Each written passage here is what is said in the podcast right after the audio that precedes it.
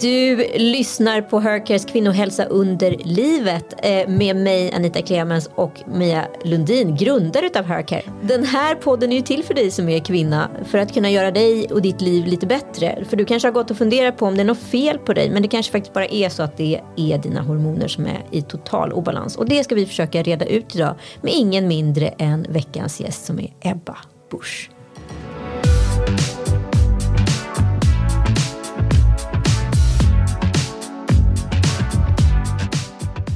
Mens är politik, påstår veckans gäst Ebba Busch, som själv vet hur förminskande rådet ta två Alvedon kan vara. Säger du Mia, är det dags att köra? Ja, nu kör vi.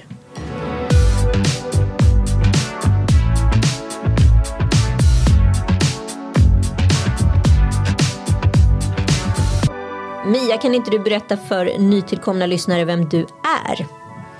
Ja, jag är sjuksköterska, intensivvårdssjuksköterska i botten och har sedan utbildat mig eller vidareutbildat mig till någonting som heter Nurse Practitioner i USA. Specialistsjuksköterska i obstetrik och gynekologi.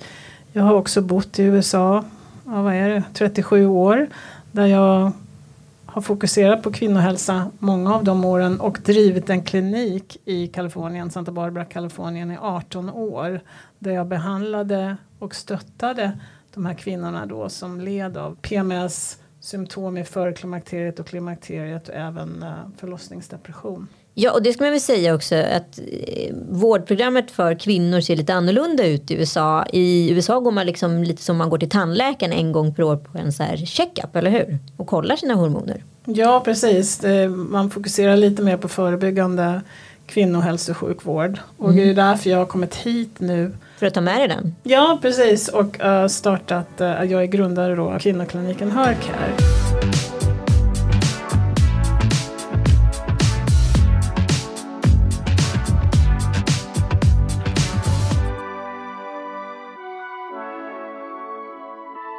Mia, kan inte du förklara för våra lyssnare vad PMS faktiskt är?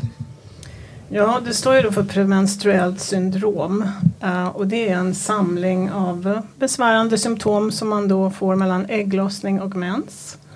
Och eh, vanliga symptom är humörsvängningar, kort stubin, oro, ångest, ömma bröst, huvudvärk.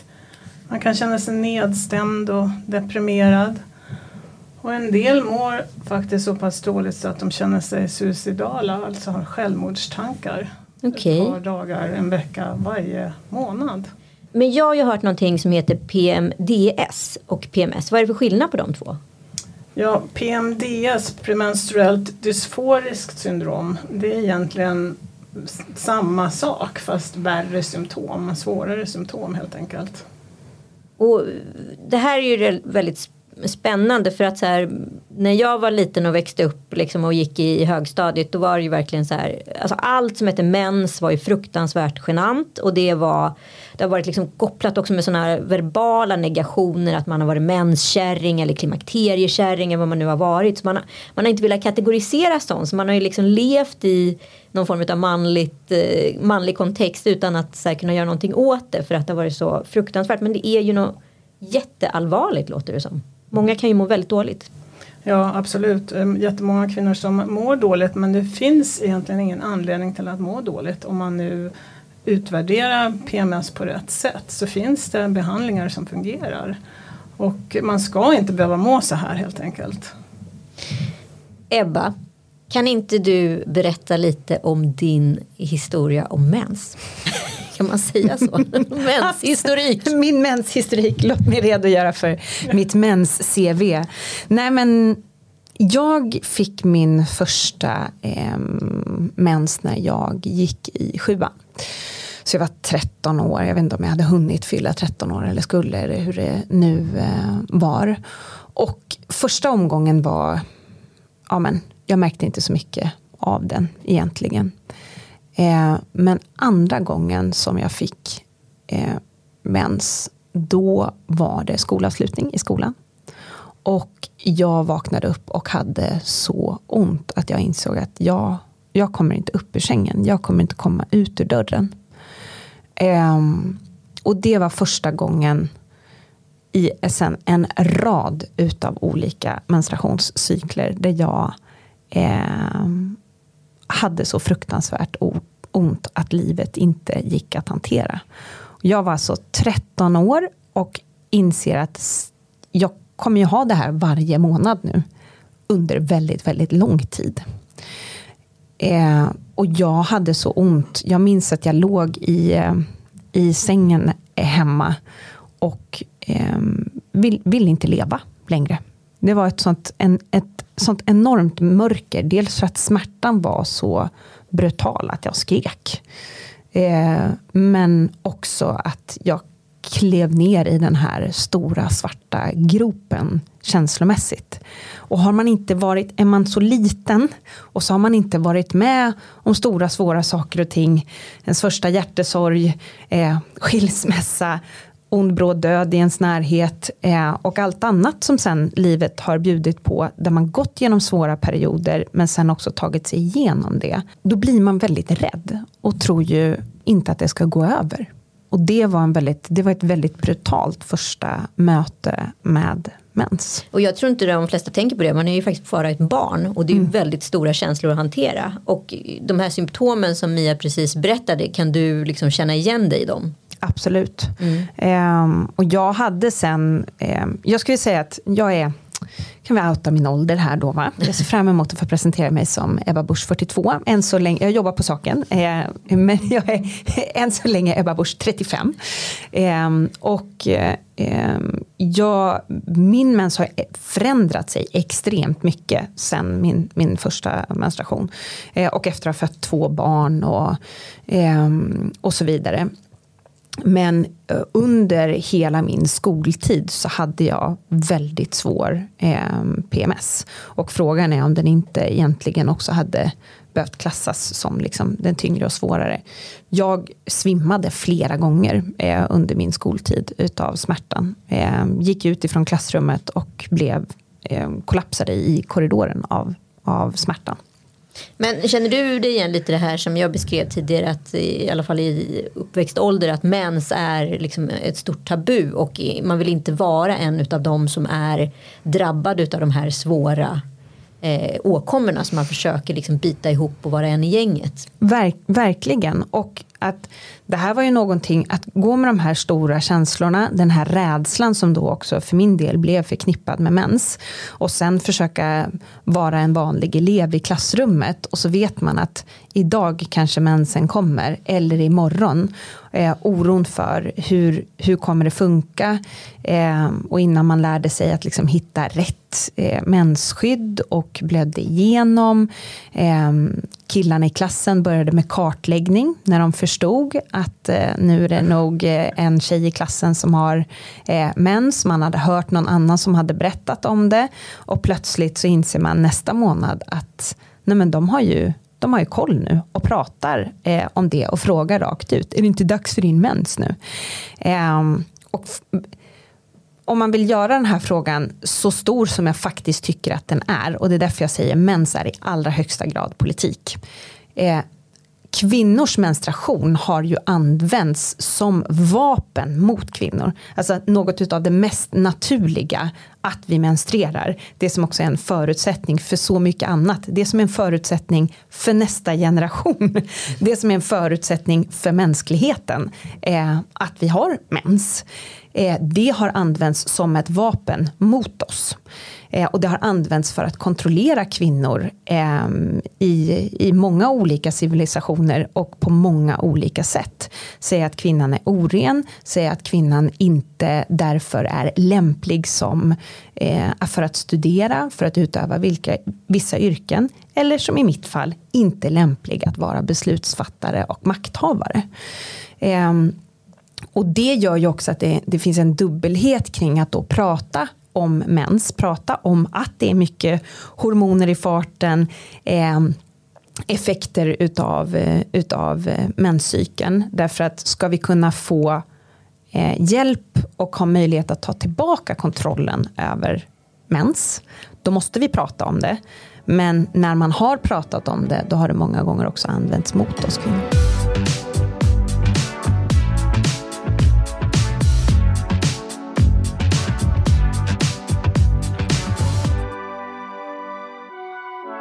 Mia, du har ju sagt att eh, PMS det är en obalans i kroppen. Kan du utveckla det?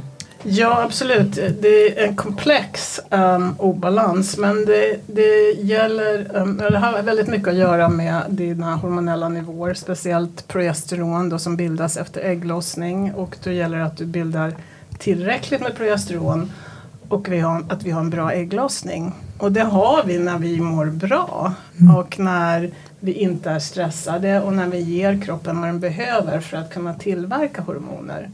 Men det är inte alltid riktigt så i dagsläget. Vi är, många av oss, väldigt stressade och ägglossningen och produktionen av progesteron blir alltså påverkad. Sen ligger det också mycket i dina signalsubstanser, speciellt då serotonin och GABA. Och det gäller att ha normala eller höga nivåer av de signalsubstanserna för att du inte ska känna av den här menstruella cykeln det är, det är lite grann samspelet mellan dina hormoner och signalsubstanserna, det är där det ligger. Och är det så att du har väldigt höga eller normala nivåer då kommer inte du känna av när det svänger i hormonerna för att har du lägre nivåer då är du väldigt beroende av att dina hormoner ska hålla signalsubstanserna uppe.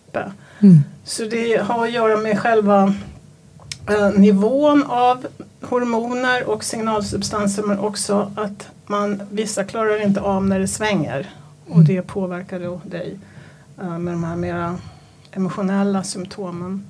Men det behöver inte vara så utan det är ganska lätt att behandla. Så kvinnor behöver inte lida och sen är det också det här skärp dig eller har du mens? Ja nu är det så att vi har ju de flesta av de här symptomen med PMS så har man ju symptom innan mensen. Mm. Och sen när mensen kommer då är det andra problem man kan ha då med mensvärk och så vidare. Men um, vi, det, det, är nästan som om man inte har haft PMS tror att det gäller bara att skärpa sig. Mm. Men så är det inte. Man vill ju inget hellre än att skärpa sig. Och sen nästa så blir, mår man bättre så när man har, eller har PMS då försvinner ju symptomen oftast som att trycka på en knapp när man får mensen. Mm. Men sen då mår man dåligt och tar fram självpiskan och, och klandrar sig själv för att jag kunde ha gjort bättre. Jag kunde verkligen ha skärpt mig men jag gjorde inte det. Så nästa månad, då ska jag klara av det där och sen så händer samma sak igen. Men Mia, jag tror nästan att en del som lyssnar upplever det provocerande att du säger att det inte behöver att vara så här. För att man man bär det här så tungt. Mm. Och så många utav oss, säger jag nu då, som har haft ganska tuffa besvär, besvär i perioder har fått höra ta två Alvedon. Mm. Jo men det här är fullt naturligt. Ja men det här är ju någonting positivt. Det här visar ju att din, din kropp fungerar. Det är så här det är att vara kvinna. Alltså jag har hört så absurda eh, saker kopplat till helt orimliga eh, bieffekter utav besvären. Och jag tycker en av de jobbigaste sakerna har ju varit att kunskapen hos en själv är så låg och när man söker hjälp så får man inte särskilt mycket svar. Och det i sig eh, skapar ökad stress för att man vet inte, är det här helt okontrollerbart? Alternativt att man försöker gå över i det du beskriver nu, att man tror ja, men jag, jag ska bara skärpa mig, jag kan ta kontroll. Eh, eh, över det här och jag ska bara tänka positiva tankar så kommer jag att balansera ut min, sinnes, min sinnesstämning. Liksom. Um, så att jag, jag, tror att det betyder ganska mycket att man vågar prata om det här, vill prata om det och men också ökar kunskapen om um, ja, mekanismerna i det för att det i sig gör att det är lättare att hantera. Ja det är ju därför vi gör den här podden och har du någon replik på? Ja, jag tycker att vad som jag tror är allra viktigast är information. För om du får reda på varför du mår som du mår. Det här, mm. är, tro, det här är vad som händer i din kropp. Det här är vad, varför du mår som du mår. Då tror jag att många axlarna bara ramlar ner lite grann för att det känns tryggt att få höra det. Att, Jaha, så jag är inte, håller inte på att bli tokig. Mm. Det finns en biokemisk hormonell orsak till varför jag beter mig så här. Det tror jag är jätteviktigt. Så, um, kunskap, uh, att, att kvinnor får lära sig mer om det här. Att, att här ligger det till. Och det finns orsaker som vi faktiskt kan behandla mm. eller balansera skulle jag hellre vilja säga. Men jag tänker att det här sitter ju i redan från liksom skolsysternivå. Liksom att man inte har kunskapen att berätta det här för flickor och unga kvinnor. Att det faktiskt är så här. Utan det ska inte vara så där bara som man mår. Utan det går faktiskt att göra någonting åt det. Och att det är ett föräldraansvar också. Mm. Ja, sen är det ju inte så att vi mår precis lika under olika delar av cykeln. Det är inte meningen att vi ska må riktigt lika. Um, mitt i cykeln, det är då vi har höga värden av både östrogen och testosteron. Det är då vi ska negotiate, det är då vi är på topp och det är då vi fixar saker och ting och det bara flyter. Sen kommer man in i den här premenstruella tiden där man kanske är gravid eller meningen är ju att man under den tiden skulle ha blivit gravid och då ska man ju ta det lugnt och vila och speciellt sen under mensen när man blöder. Då ska man ju verkligen vila. Så att det, det, finns, vi måste lära oss lite mer kanske också om det här med att leva med vår cykel som mm. är precis som du säger en fantastisk event som sker en gång i, må eller en gång i månaden 450 gånger under ditt liv. Det är, det är så vackert och fint och hur vi förbereder vår kropp varenda månad på en graviditet. Och, och där går vi med våra hormoner som svänger upp och ner och ska hantera det på många olika sätt. Medan männen har testosteron som är högt och jämnt hela månaden. Det är inte så lätt för dem att förstå heller. Men varför mår du sådär idag? Så betedde du inte igår. Eller, mm. Vi är olika från dag till dag. Speciellt om vi går runt med låga nivåer av just de här signalsubstanserna GABA och serotonin. Då blir det blir det inte riktigt bra. Nej, men, och, precis som du säger här då att mycket av att då sätta värde på sin egen hälsa och ta hand om det blir nyckel till så otroligt mycket. Eh, och blir en så väldigt stor nyckel till välmåendet i stort. Det får mycket större konsekvenser på många sätt i och med att det då hänger ihop med det här som är så, så, så kraftfullt. Men det är ju som du Anita är inne på, det, det börjar ju så tidigt och jag tror att eh, många föräldrar tycker att det här är obekvämt eh, och då i viss mån så för man det vidare också. Eh, och alla de här klassiska skämten som man har om att ja, men det får du prata med mamma om. Ehm, därför att män också vet, vet kvinnorna väldigt lite om det här. I regel så vet männen ännu mindre ehm, om det här. Och sen så i mötet med en elevhälsa som många gånger är, ja men väldigt många skolor har ju absolut inte tillgång till eh, elevhälsa varje dygn. Nej och det är väl många skolor som också har att en skolsyra kommer ut en gång i veckan. Exakt och det tror jag när vi nu ser att det är så många framförallt unga eh, tjejer och unga kvinnor där ohälsotalen bara sticker. Mm. Eh, det är en ganska liten investering i liksom kostnad sett för samhället att säga liksom varje dag ska det finnas tillgång till elevhälsa på skolan. Och att stänga gapet mellan då när man behöver, elevhälsan ligger på kommunen eh, och sjukvården på regionen. När man upptäcker någonting som skolsköterska till exempel, att ha möjlighet att hjälpa eh, rakt in i vården i mycket högre utsträckning. Många gånger så är det så att man, man går en gång och sen så fastnar man i något slags oklart liksom, remissystem om man ska hitta till någon vårdcentral och sen någon gång ska man få kontakt med BUP och sen hamnar man i en jättelång kö. Alltså den kostnaden som det innebär både i mänskligt lidande men också det går att räkna hem i kronor och ören för samhället när den ohälsan hinner skena. Ehm, det det borde gå att hitta ganska bred enighet om att prioritera annorlunda. Jag håller helt med och där krävs um, att man tillämpar kanske mer en helhetssyn på PMS-behandling eller informationen som omfattar både fysiska, psykiska och sociala aspekter. Um, ett tvärprofessionellt samarbete som kan motverka då otillräcklig kompetens inom, hos eh, en del vårdgivare. Den, den finns helt enkelt, helt enkelt inte. Utan för att man ska då tillsammans kunna både förebygga att äh, det inte händer men också få informationen när man väl har hamnat där. Så krävs det tror jag. Äh, ett samarbete mellan olika kompetenser. Mm.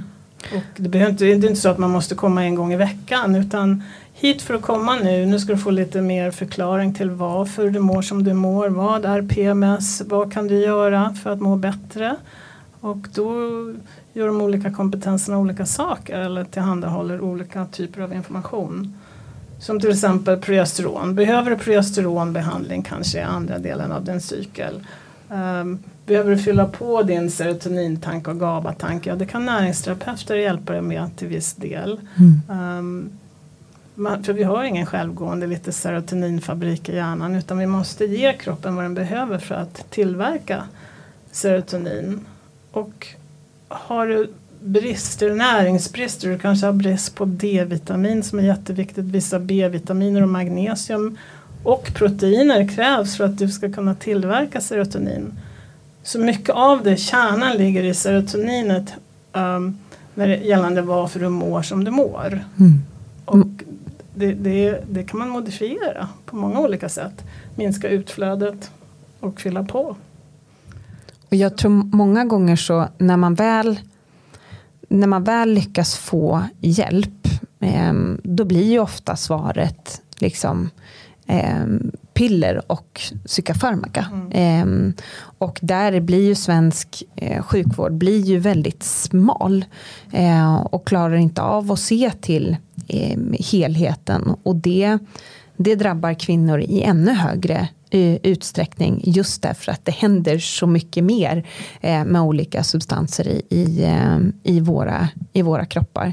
Jag hade det ganska tufft sista året på, mm, på gymnasiet. Delvis till följd utav det här. För att det var ju någonting återkommande varje månad. Som jag gick och spände mig inför. Eh, och där jag kände att man, man var bara vilse i en stor skog. Och det var ingen som kunde berätta. Jo men det, det är det här som händer nu. Bara det i sig blir ju väldigt lugnande.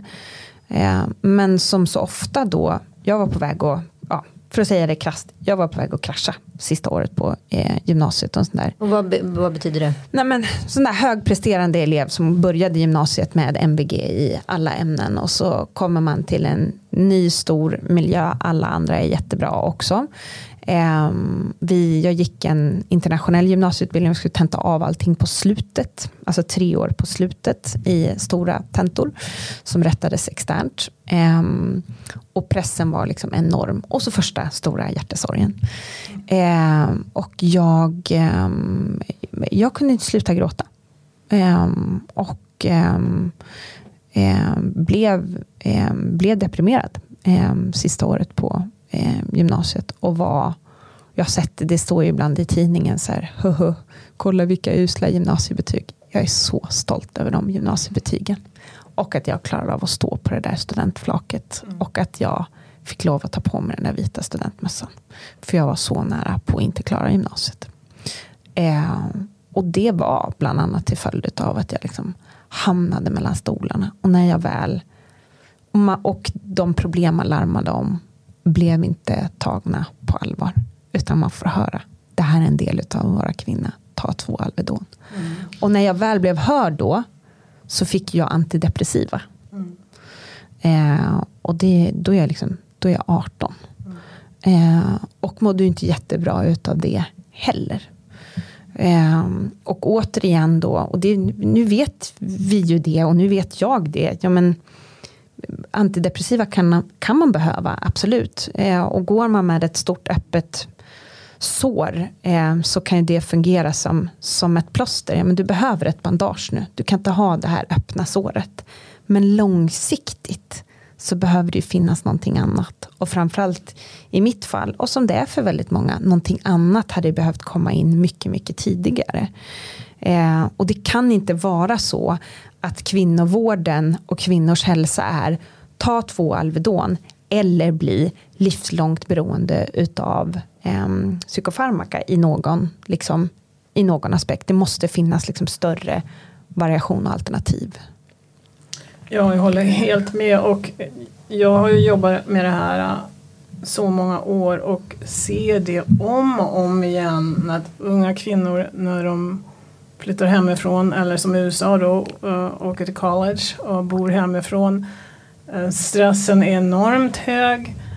Man äter annorlunda mat och man har den här pressen på sig. Bara där börjar du tömma den här serotonintanken mm. som du inte har fått reda på hur du fyller på. Mm. Och då ser man det så ofta att man blir deprimerad, eh, panikångest, oro, slutar äta, kan inte sova och sen den här pressen ovanpå då att du ska prestera nu i skolan mm. och, och, klara av.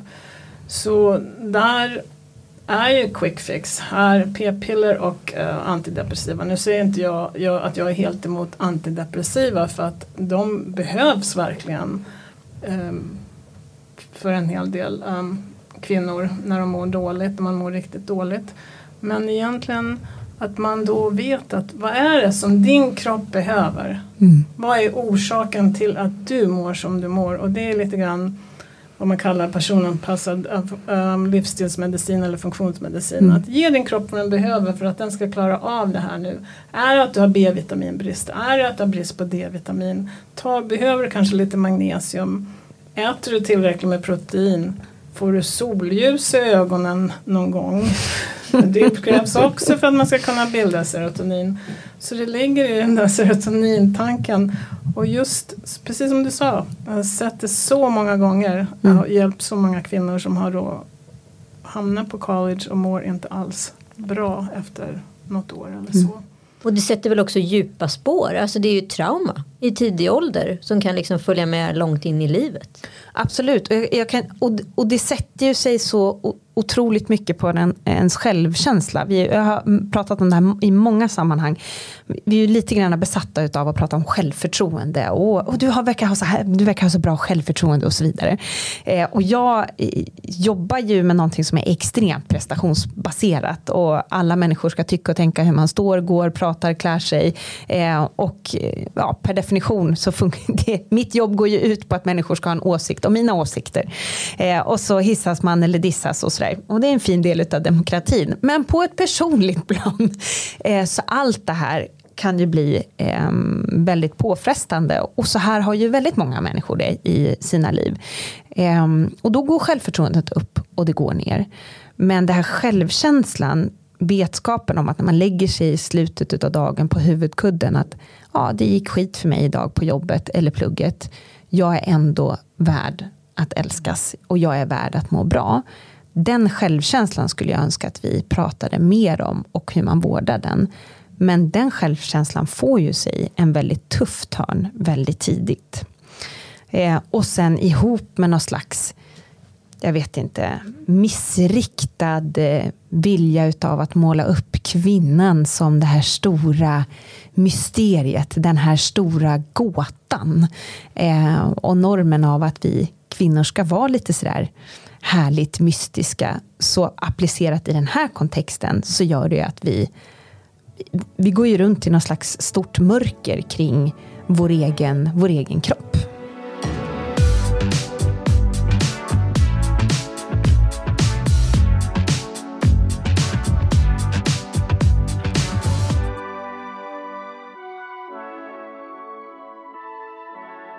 Pratat en del om den feministiska paradoxen. Kan inte du berätta vad du menar med det? Nej, men jag var inne på det lite tidigare här att att för att vi ska kunna eh, vända det faktum att kvinnors hälsa är så undervärderad och underprioriterad i samhället i stort, eh, men också menar jag politiskt i kronor och ören och hur man prioriterar den, eh, så, så, måste vi ju prata om kvinnors hälsa och våra eh, problem om man ska eh, uttrycka det krasst. Men i andra änden, eh, för att få lov att vara med då i eh, beslutsfattande sammanhang eh, och kunna hävda oss och göra vår röst gällande så ska vi under inga omständigheter eh, prata om att vi är kvinnor och om de problem som är förknippat med liksom, till exempel då menstruation. Eh, det är ju en av de, eh, en av de delarna som har ja, men, som återkommande eh, målas upp att kvinnor är liksom hormonstinna och lynniga och inte fattar, inte kan vara rationella. Eh, så har man då Ehm, men Putin är däremot jätterationell. Alltid jätterationell. Nej men det är väl, ty, det är väl typ, typexempel på, det är väl de, väldigt många krig har ju inte bara fattats av liksom eh, rationella skäl utan eh, i allra högsta grad utav eh, mer liksom manligt kodade känslor och eh, kanske går mer in på stolthetskonto och liknande. Eh, och det, och det, här, det gör ju ibland att det blir ett moment 22 i att prata om de här frågorna och det måste vi ur. Mm. Eh, och därför jag har haft en enorm eh, respons på när jag faktiskt har pratat då om eh, mens till exempel. Eh, jag, skrev ett, jag har skrivit vid några tillfällen ganska enkla inlägg i sociala medier. Eh, och folk hör av sig i tårar. Ehm, och tycker att det är jättestort. Eh, fast det är liksom världens enklaste, eh, enklaste grej. Och jag tror att i den här strävan efter att män och kvinnor ska eh, ges lika mycket utrymme och plats i samhället ehm, så har man gått snett i att vi då måste vara lika. Vi, vi, vi har samma värde men vi är olika och det måste vara helt okej. Okay. Och det, det, i sin tur påverkar ju också liksom normen på vem får vara ledare? Hur kan man vara som ledare? Hur kan man stå och gå? Kan man ha långt blont hår och fortfarande bli tagen seriös? Eh, kan man fatta tunga politiska beslut och vara statsminister fast man är kvinna? Ja, det har tagit lite tid då att komma dit i Sverige. Det har det ju verkligen. Men om vi nu ändå pratar kvinnovård, Ebba, jag vet ju att du brinner för det här. Jag tänker att eh, du får ordet fritt här. Nej, men det går ju att lyfta så otroligt mycket kopplat till svensk sjukvård. Hur den styrs och att den är så decentraliserad. Eh, att den skiljer sig så mycket jämfört med till exempel Norge och Danmark som är mycket väldigt lika. Men där kan liksom politiska partier eh, ja, där kan vi ju träta om vad som är bästa sättet. Eh, men där vi borde kunna kroka arm, det är ju kring att just prioritera kvinno, kvinnovården ordentligt. Det forskas alldeles för lite på eh, kvinnohälsa. Eh, vi vet, det börjar röra sig men vi vet fortfarande alldeles för lite menar jag om PMS till exempel. Vi vet för lite om endometrios, om lipödem, om många utav de här eh, frågorna som enbart påverkar och drabbar kvinnor. Vi har för lite forskning kring fertilitet, kring förlossning, kring vården efter förlossning. Eh, vi har alldeles för lite underlag kring det faktum att kvinnor i mycket, mycket högre utsträckning är sjukskrivna jämfört med män. Två av tre som är sjukskrivna är kvinnor och sjukskrivningstalen skenar efter andra barnet generellt sett. Vi måste också titta på den förebyggande mm. hälso och sjukvården för kvinnor och speciellt att fånga de yngre kvinnorna för att precis som du sa, det är där den psykiska ohälsan verkligen börjar krypa ner i åldrarna. Det är de tjejerna vi måste fånga tidigt för att förebygga att det blir värre och värre för dem. Eh, och där ohälsotalet är ju enormt nu. Mm. Och då tycker man så här, varför mår vi så dåligt i ett land som Sverige där vi har det så bra? Mm. Och jag, alltså, jag, jag, skulle önska att vi kunde ta fram en generalplan för eh, kvinnors hälsa men en generalplan för att få ner sjukskrivningstalen bland, bland kvinnor.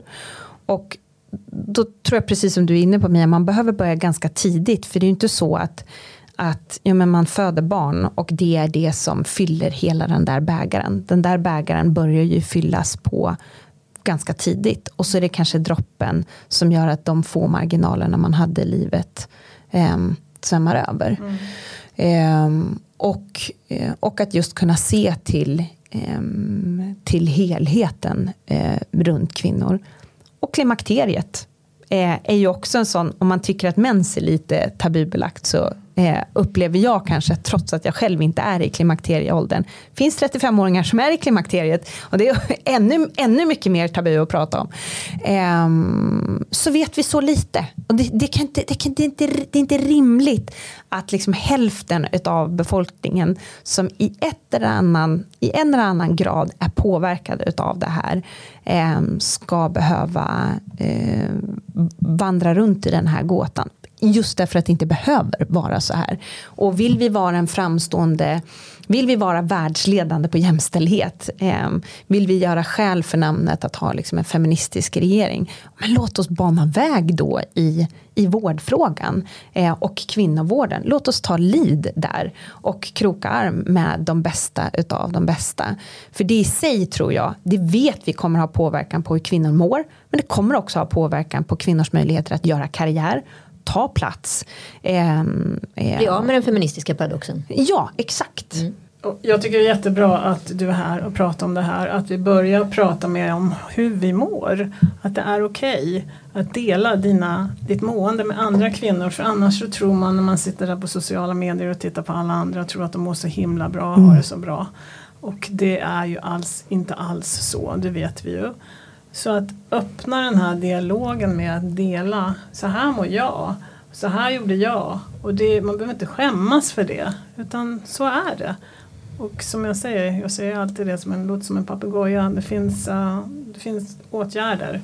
Uh, och det är viktigt att vi får lära oss mer om dem. Men jag tror att det krävs kvinnomottagningar där man följer kvinnan där barnmorskan redan har börjat med uh, mödra, eller preventivmedelsrådgivning, mödravård och sen så försvinner man i ett stort svart hål. Varför kan inte hon fortsätta? Varför kan man inte göra som man gör i USA där man har då nurse practitioners och det är det som jag är utbildad till i USA. Eh, en annan kompetens som lika gärna kan ta det första steget. Det behöver inte vara läkare och gynekologer. Mm. De kan man remittera till när det krävs enligt riktlinjer och PMs. Men jag tror att barnmorskor och nurse practitioner i USA kan verkligen stötta, eh, till viss del behandla och utbilda de här kvinnorna tidigt. Och att det finns sådana typer av mottagningar, precis som vi har mödravårdsmottagningar och preventivmedelsmottagningar. Men man hinner inte det. Enligt vissa nya riktlinjer nu så är förslaget att man kanske kan göra det vid cellprovsmottagningen. Jaha, där har man fem minuter per patient. Det mm. fungerar inte. Utan det, det, måste, man vinner på att erbjuda mer tid um, och mer information från början och sen så hamnar man inte där det krävs mycket, mycket, mycket större resurser. För på sikt så kan man ju också liksom motverka hjärt och kärlsjukdomar som är en av de vanligaste dödsorsakerna som bland kvinnor. Ja precis och det handlar ju väldigt mycket om i klimakteriet som vi har pratat om i en annan podd men att kvinnor får reda på det att Börjar du med hormonersättning tidigt efter klimakteriet så kan du verkligen minska risken för hjärt och kärlsjukdom och diabetes typ 2 istället för att vänta och inte få den informationen och tro att du ska dö av bröstcancer när det faktiskt inte verkar vara så längre. Exakt, men, och det, men det är väl det jag skulle önska att vi fick till det perspektivskiftet. Man pratar gärna om liksom den, den skarpa vården i det absolut yttersta liksom, eh, ledet. Men att se att en tidig investering i, i flickors, i tjejers, i kvinnors hälsa. Eh, det, det är viktigt ur ett, ur ett jämställdhetsperspektiv om vi menar att kvinnors liv är lika mycket värt som männens på riktigt. Men det är också någonting som samhället i stort skulle vinna på även i kronor och ören. Och det vet Sara Danius som återkommande pratade om, hon höll något tal där hon tackade både alla starka kvinnor och alla svaga kvinnor. Eh, och att man kan få lov att vara både stark och svag på en och samma gång. Både vara eh, imponerande och kapabel eh, och fatta beslut över sitt liv eller sitt företag eller det arbete, den uppgift man har, eh, den familj man har eh, och samtidigt eh, och samtidigt vara eh, svag i det utan att därmed bli omyndigförklarad utan att få lov att vara hel som kvinna och som människa. Ja, väldigt spännande åsikter och tankar utav er båda tycker jag.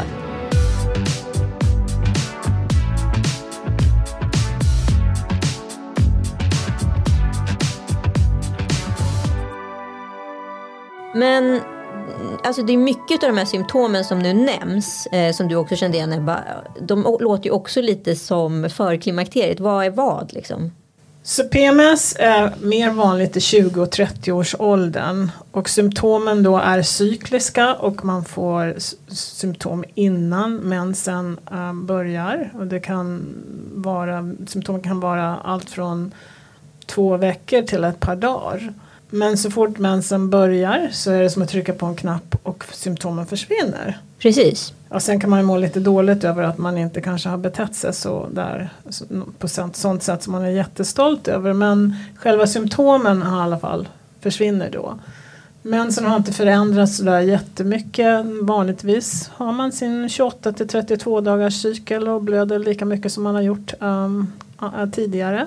Men sen när man kommer in i 40-årsåldern då kan det ske vissa, vissa förändringar och speciellt med mensen den har en tendens att kanske komma lite tidigare, tätare. Man kanske har 21 till 24 dagars cykel. Man blöder ofta mer och rikligare. Och symptomen försvinner inte sådär helt plötsligt när man får mensen utan man får andra symptom in i mensen där man känner sig lite låg och ledsen och omotiverad och, och många säger jag har bara en bra vecka i månaden. Och, och de är ofta i förklimakteriet plus att de ofta utvecklar järnbrist också på grund av de här rikliga blödningarna. Mm. Så det är lite grann skillnaden. Just det, och det är liksom som att symptomen inte avtar då när man är i förklimakteriet eller? Eh, symptomen försvinner inte, man har inte den där trycka på knappen. Det är ingen lättnad? Nej, eh, utan man får lite andra symptom under mensen istället. Sen kanske man mår bra då en vecka och sen så kör det igång igen. Men om man har spiral då och har PMS-symptom, vad, vad är det för något? Hormonspiralen påverkar ju bland annat slemhinnan i din livmoder och sekretet i livmoderstappen för att då förhindra en äh, graviditet. Och för de flesta kvinnor så trycks inte dina egna hormoner ner när du använder en hormonspiral. Så du kan fortfarande absolut ha PMS-symptomen men du kanske inte har mens. Så du har ingen cykel att gå på. Du vet inte riktigt var i cykeln du är. Men för vissa är ju inte det alls så svårt att missa. När Nej. man då har sin PMS-fas så att säga. Men man har inte, det är samma sak i förklimakteriet när man har en hormonspiral. Man kanske inte har noterat då att mensen har förändrats och att man blöder rikligare för man har helt enkelt ofta inte någon mens alls. Just det. Grunden är ju också att i alla fall jag som kvinna som liksom inte haft en så här regelbunden eh, ägglossning och liksom inte riktigt känt min kropp och sen blir jag gravid och sen mår jag jättedåligt och liksom stoppar in en hormonspiral. Jag har ju ingen aning om vad som är vad. Det är väl också ett vanligt förekommande symptom. Ja, det är ju många som inte alls har koll på sin menscykel och när man frågar då är dina symptom cykliska så vet de helt enkelt inte. Nej, och då har ju ni den här fantastiska appen som jag numera slaviskt använder eh, där det finns en sån här mm. hormonkalender kan man säga. Ja, det är en symptomspårare. Just att, eh, du kan gå in varje dag och eh, först gör du ett hormontest för att se vilken hormonell fas du är i. Är du PMS-fasen eller är du förklimakteriet eller håller du på att gå in i klimakteriet. Och genom att svara på några frågor så får du den utvärderingen om vilken hormonell fas du troligtvis är i. Sen när du har gjort det i det, den eh, deklaration, hälsodeklarationen eller frågeformuläret så får du då, väljer du de tre värsta symptomen som du nu lider av. Och vilka är de? Och då kan du sen gå in och symptomspåra dem under månaden. Så varje dag så fyller du i ett formulär du får då ett diagram eh, eller en graf på hur dina symptom var, hur svåra de var under din menscykel, under din, din månad, månatliga cykel. Just det.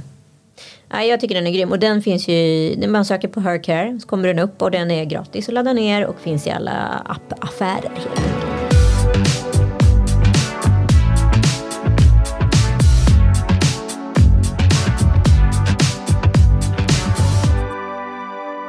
Nu har jag fått lite lyssnarfrågor här Ebba, så nu får du sitta kvar och lyssna. Eh, men de är faktiskt riktade till Mia, så jag ber om ursäkt. Första frågan. Hej, jag mår jättedåligt 10-14 dagar varje månad inför mens. Jag fick p-piller utskrivet för min PMS men blev mycket sämre. Jag blir så himla arg och irriterad och känner inte igen mig själv. Hjälp mig. Varför mår jag som jag mår när min kompis blev så mycket bättre? Jo, en, en del kvinnor uh, mår bättre deras PMS-symptom försvinner mer eller mindre när de använder ett p-piller för att deras egen hormonella kurva är ju nedtryckt och så man känner inte av de där svängningarna, hormonella svängningarna längre. Men det finns också en hel del kvinnor som mår fruktansvärt dåligt på p-piller. Och då är det ofta att man är, man kan inte hantera det här gestagenet ofta då, det här syntetiska progesteronet i p-pillret. Uh, många kvinnor reagerar då med biverkningar som oro, ångest och depression. Så det är inte alls så ovanligt faktiskt. Hej! Mina PMS-symptom försvinner när mensen kommer men sen mår jag dåligt och skäms för hur jag har betett mig. Hur ska jag hantera det här? Ja, det är ju så jag säger i många um, poddar som jag är med att när du har PMS och när mensen kommer då är det som att trycka på en knapp och så försvinner symptomen men då är det det där som hänger kvar lite grann. Att, ja, jag kunde inte skärpa mig den här månaden heller som jag hade planerat. Jag hade, kände som jag inte hade kontroll och jag är värdelös jag klarar inte av det här. Och så blir man så väldigt självkritisk. Istället för att möta sig själv med vänlighet och, och självmedkänsla. Vilket vi har svårt att göra. Mm. Men om man vet att det här, du har inte så mycket kontroll över det här. Det är en biokemisk förändring som sker i din kropp premenstruellt som är väldigt svårt att styra med bara goda tankar så att säga. Och tillbaks till det finns hjälp, du behöver inte må så här.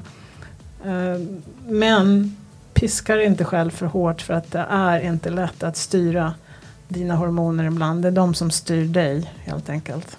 Bra att du underströk det.